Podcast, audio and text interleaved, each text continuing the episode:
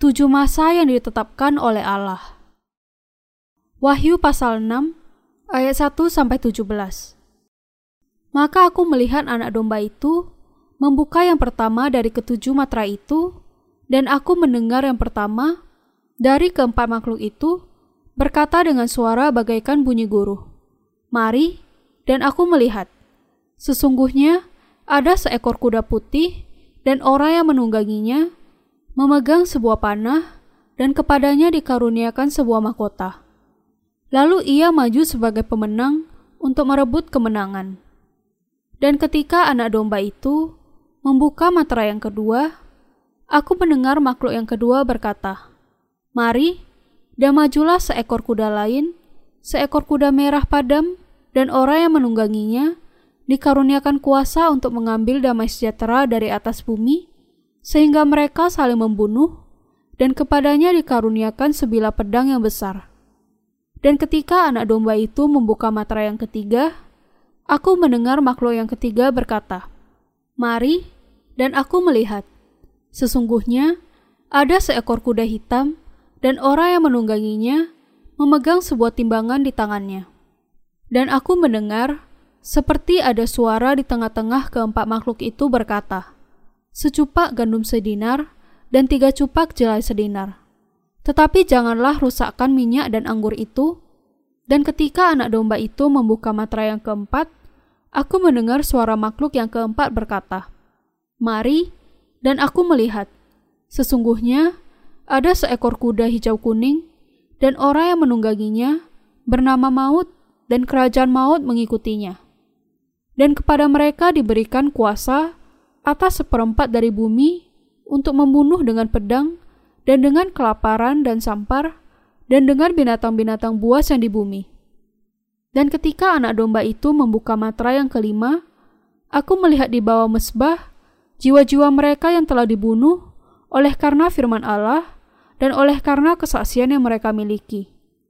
Dan mereka berseru dengan suara nyaring, katanya, Berapa lamakah lagi ya penguasa yang kudus dan benar, engkau tidak menghakimi dan tidak membalaskan darah kami kepada mereka yang diam di bumi, dan kepada mereka masing-masing diberikan sehelai jubah putih, dan kepada mereka dikatakan bahwa mereka harus beristirahat sedikit waktu lagi, hingga genap jumlah kawan-kawan pelayan dan saudara-saudara mereka yang akan dibunuh sama seperti mereka.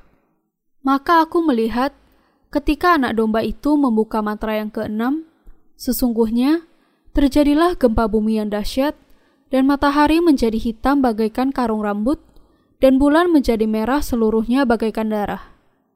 Dan bintang-bintang di langit berjatuhan ke atas bumi, bagaikan pohon ara, menggugurkan buah-buahnya yang mentah, apabila ia digoncang angin yang kencang.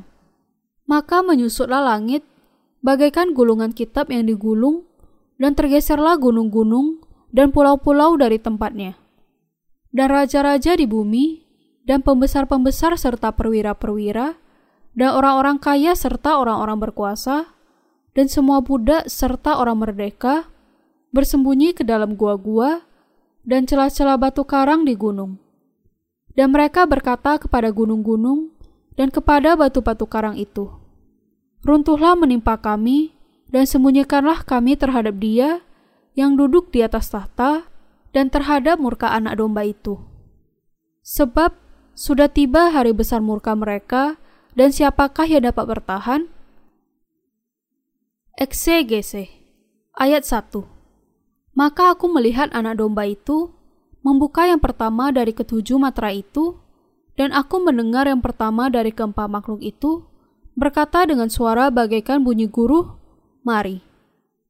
Ayat ini mengatakan bahwa Yesus membuka rancangan pertama dari gulungan yang diterima dari Bapa yang menuliskan keseluruhan rancangan Allah bagi manusia. Ayat 2 Dan aku melihat, sesungguhnya ada seekor kuda putih dan orang yang menungganginya memegang sebuah panah dan kepadanya dikaruniakan sebuah mahkota. Lalu ia maju sebagai pemenang untuk merebut kemenangan. Materai Allah yang pertama berbicara mengenai diteguhkannya Injil air dan roh di dalam Yesus sebagai rencana Allah untuk membebaskan manusia dari dosa dan mengenai kemenangan dari rancangan ini. Rancangan Allah Bapa untuk menjadikan manusia sebagai umatnya dengan menyelamatkan mereka dari segala dosa mereka, dimulai dengan Injil air dan roh di dalam Yesus Kristus, yaitu dengan dibebaskannya manusia dari dosa melalui baptisan Yesus dan darahnya di kayu salib. Allah sudah membebaskan jiwa-jiwa dari segala dosa dunia dengan Injil air dan roh, dan ia terus melakukannya bahkan sampai detik ini juga. Inilah rencana Allah yang pertama yang ditetapkannya bagi manusia. Rencana Allah yang pertama ini adalah bagi keselamatan manusia melalui kedatangan Yesus Kristus ke dunia ini, baptisan, kayu salib, dan kebangkitannya. Masa kuda putih ini menunjuk kepada kemenangan Allah dalam peperangan kebenaran Injil yang digenapinya untuk membebaskan manusia dari segala dosanya. Ini juga mengatakan kepada kita bahwa Injil air dan roh akan terus mengalami kemenangan. Ayat 3 sampai 4. Dan ketika anak domba itu membuka matra yang kedua, aku mendengar makhluk yang kedua berkata, "Mari, dan majulah seekor kuda lain seekor kuda merah padam, dan orang yang menungganginya dikaruniakan kuasa untuk mengambil damai sejahtera dari atas bumi, sehingga mereka saling membunuh, dan kepadanya dikaruniakan sebilah pedang yang besar. Ini mengatakan bahwa di masa kedua yang ditetapkan oleh Allah, dunia akan berubah menjadi dunianya iblis. Munculnya kuda merah padam di sini berarti bahwa dunia akan berada di bawah penguasaan iblis. Iblis sudah membawa peperangan ke dunia ini, menghilangkan kedamaian. Karena dia, dunia menjalani dua perang dunia, orang dalam jumlah yang tidak terhitung banyaknya, kehilangan nyawa sebagai akibatnya. Dan bahkan, mereka yang tetap hidup, menjalani kehidupan di dalam kesulitan dan kedamaian yang rusak. Bahkan sekarang, negara dan bangsa di seluruh dunia saling tidak mempercayai dan saling berperang menghancurkan kedamaian di berbagai tempat. Inilah masa peperangan dan pembunuhan massal. Ayat 5 sampai 6. Dan ketika anak domba itu membuka materai yang ketiga, aku mendengar makhluk yang ketiga berkata, "Mari," dan aku melihat. Sesungguhnya ada seekor kuda hitam dan orang yang menungganginya memegang sebuah timbangan di tangannya. Dan aku mendengar seperti ada suara di tengah-tengah keempat makhluk itu berkata, Secupak gandum sedinar dan tiga cupak jelai sedinar. Tetapi janganlah rusakkan minyak dan anggur itu. Masa ketiga yang dikatakan Allah adalah masa kuda hitam. Masa di mana terjadi kelaparan fisik dan rohani di antara manusia. Di seluruh dunia sekarang ini, banyak orang yang belum diselamatkan karena kelaparan rohani mereka dan banyak juga yang mati karena kelaparan fisik. Kita juga harus ingat bahwa kita sekarang hidup di masa yang ketiga ini. Dengan berlalunya masa ini, masa kuda hijau kuning tiba. Ayat 7 sampai 8.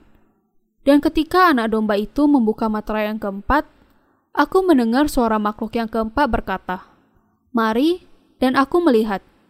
Sesungguhnya ada seekor kuda hijau kuning dan orang yang menungganginya bernama Maut, dan kerajaan Maut mengikutinya. Dan kepada mereka diberikan kuasa atas seperempat dari bumi untuk membunuh dengan pedang, dan dengan kelaparan dan sampar, dan dengan binatang-binatang buas yang di bumi. Masa yang keempat yang ditetapkan Allah adalah masa kuda hijau kuning. Alkitab mengatakan kepada kita bahwa pada masa ini Antikristus akan memulai kegiatannya dan bahwa di masa ini juga terjadi kemartiran bagi orang-orang kudus. Inilah masanya Antikristus akan dalam upayanya merampas iman yang benar dari orang-orang kudus, menganiaya dan membunuh mereka yang tidak menyembahnya dan yang tidak menerima tandanya. Sejak saat itu, dunia akan ada di bawah malapetaka tujuh sangkakala. Pada saat yang sama, kemartiran orang-orang kudus tidak terhindarkan lagi. Ayat 9 sampai 11. Dan ketika anak domba itu membuka materai yang kelima, aku melihat di bawah mesbah jiwa-jiwa mereka yang telah dibunuh oleh karena firman Allah dan oleh karena kesaksian yang mereka miliki. Dan mereka berseru dengan suara nyaring katanya, Berapa lamakah lagi ya penguasa yang kudus dan benar? Engkau tidak menghakimi dan tidak membalaskan darah kami kepada mereka yang diam di bumi? Dan kepada mereka masing-masing diberikan sehelai jubah putih, dan kepada mereka dikatakan bahwa mereka harus beristirahat sedikit waktu lagi hingga genap jumlah kawan-kawan pelayan dan saudara-saudara mereka yang akan dibunuh sama seperti mereka. Masa Allah yang kelima adalah masa kebangkitan dan pengangkatan orang-orang kudus. Setelah masa ini, akan dimulai masa kerajaan seribu tahun. Bagian ini mengatakan bahwa kita harus percaya kepada kemartiran, kebangkitan, dan pengangkatan yang menantikan kita, dan bahwa kita harus hidup oleh iman dan pengharapan akan langit dan bumi baru, seperti yang dijanjikan Allah kepada kita. Ayat 12 Maka aku melihat ketika anak domba itu membuka matra yang keenam, sesungguhnya terjadilah gempa bumi yang dahsyat, dan matahari menjadi hitam bagaikan karung rambut, dan bulan menjadi merah seluruhnya bagaikan darah. Masa Allah yang keenam ini adalah masa hancurnya dunia yang pertama yang diciptakan Allah. Ini adalah masa di mana malapetaka tujuh cawan ditumpahkan ke atas dunia, ketika matahari, bulan, dan bintang kehilangan cahayanya, dan dunia akan tenggelam di dalam air karena adanya gempa bumi yang dahsyat. Ayat 13 dan bintang-bintang di langit berjatuhan ke atas bumi, bagaikan pohon ara menggugurkan buah-buahnya yang mentah apabila ia digoncang angin yang kencang. Dalam masa yang keenam ini, kehancuran alam semesta yang diciptakan Allah akan terjadi dengan adanya malapetaka tujuh cawan. Kebingungan yang sangat parah meliputi dunia ketika bintang-bintang berjatuhan dari angkasa dan dunia ditunggang balikan. Ayat 14 Maka menyusutlah langit, bagaikan gulungan kitab yang digulung, dan tergeserlah gunung-gunung dan pulau-pulau dari tempatnya. Ayat ini mengatakan kepada kita bahwa ketika tujuh cawan malapetaka ditumpahkan, langit akan lenyap seperti gulungan kitab yang digulung, dan semua gunung serta pulau-pulau akan berpindah dari tempatnya. Bencana yang menunjukkan perubahan yang menghancurkan dunia yang akan mengubah seluruh struktur fisik dunia ini.